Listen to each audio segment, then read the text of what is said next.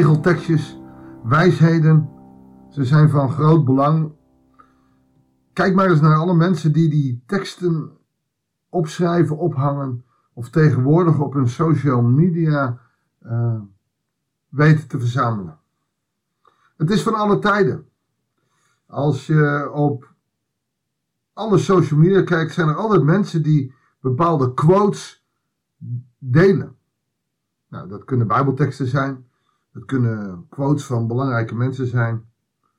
Hoe dan ook, nogmaals, ze zijn van alle tijden. Salomo deed er ook aan mee. En wat had hij er veel in dat boek Spreuken. Goeiedag, hartelijk welkom bij een nieuwe uitzending van het Bijbels Dagboek. We lezen Spreuken 18, vers 1 tot en met 12. We gaan lezen naar de wijsheden van Salomo. En als ik daarover nadenk, denk ik van, hoe lang zou hij erover gedaan hebben? Zouden dit quotes uit zijn tijd zijn geweest? Kwam dit uit zijn wijze brein? Is dit een verzameling van dingen die hij zei en dat er mensen waren die dat opschreven? Dat is best wel grappig om daar eens over na te denken. Want het is een vrij dik bundeltje met allerlei spreuken die soms helemaal op zichzelf staan. En toch zitten er elke keer ook weer pareltjes bij. En soms zijn ze niet voor jou. Soms ken je iemand anders waarvan je denkt, ja, die zou dit moeten hebben. Weet je, hoe het ook bent of verkeerd, misschien zit er ook vandaag wat voor jou bij. We lezen 18 vers 1. Een zelfzuchtig mens volgt alleen zijn eigen wil. Hij kan zich tegen alle goede raad. Je zou kunnen zeggen dat dit een narcist is. Iedereen wil hem advies geven, maar hij alleen weet wat goed is voor hem. Narcisme is iets wat op dit moment behoorlijk naar buiten komt. Het ik-gerichte wil door psychische problemen volgens mij richting het narcisme raken.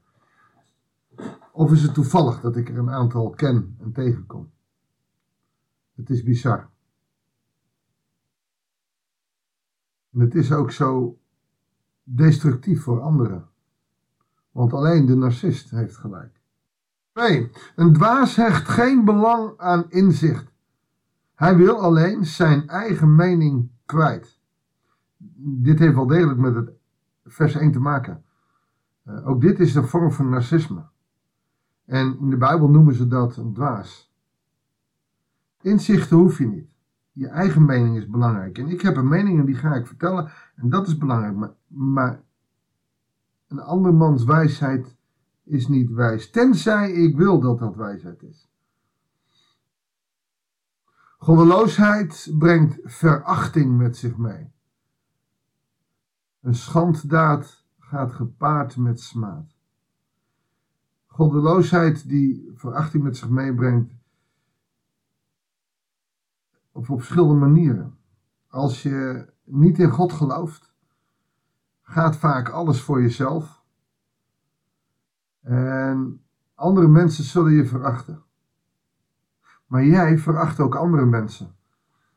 Bijvoorbeeld die gelovigen. Die schandaad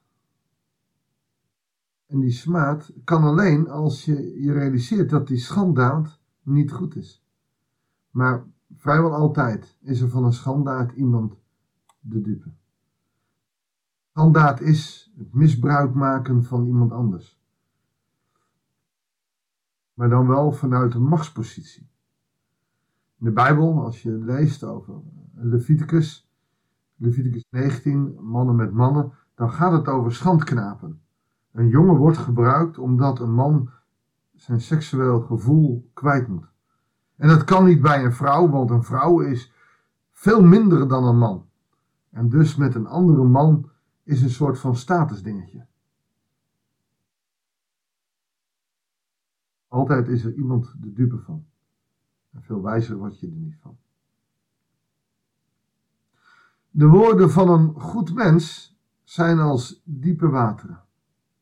Ze zijn sprankelende, een sprankelende beek en een bron van wijsheid. Het gaat hier dus niet om woorden van een intelligent mens, maar van een goed mens. Iemand die zijn hart op de goede plek heeft.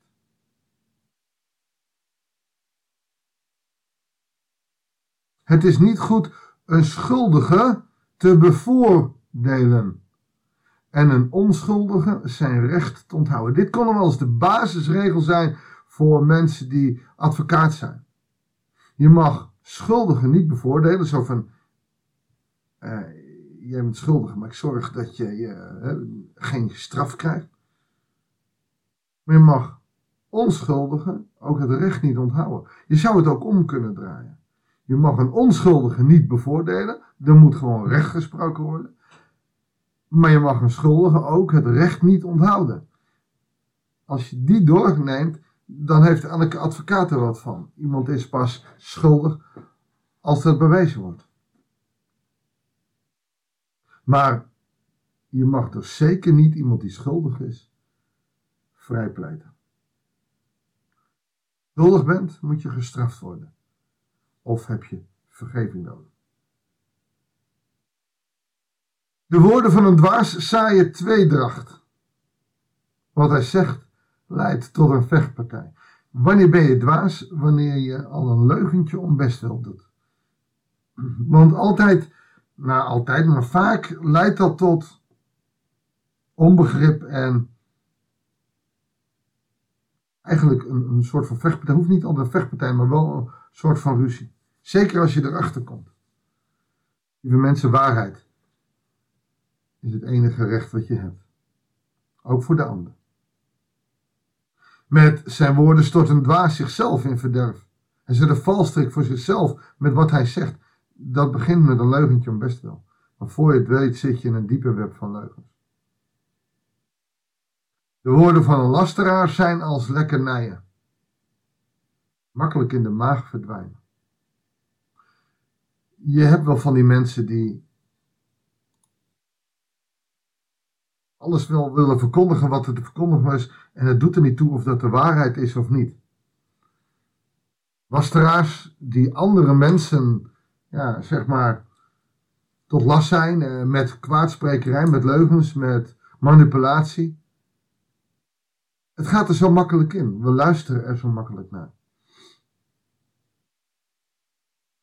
En daar moet je op beducht zijn.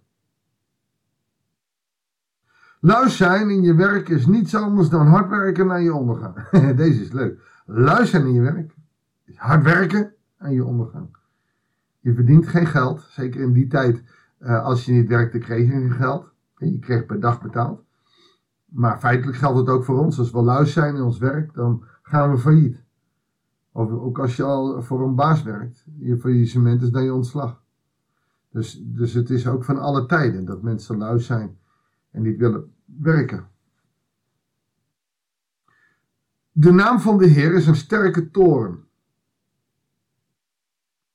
Belangrijk, daar hebben we het vaker over gehad. Hè?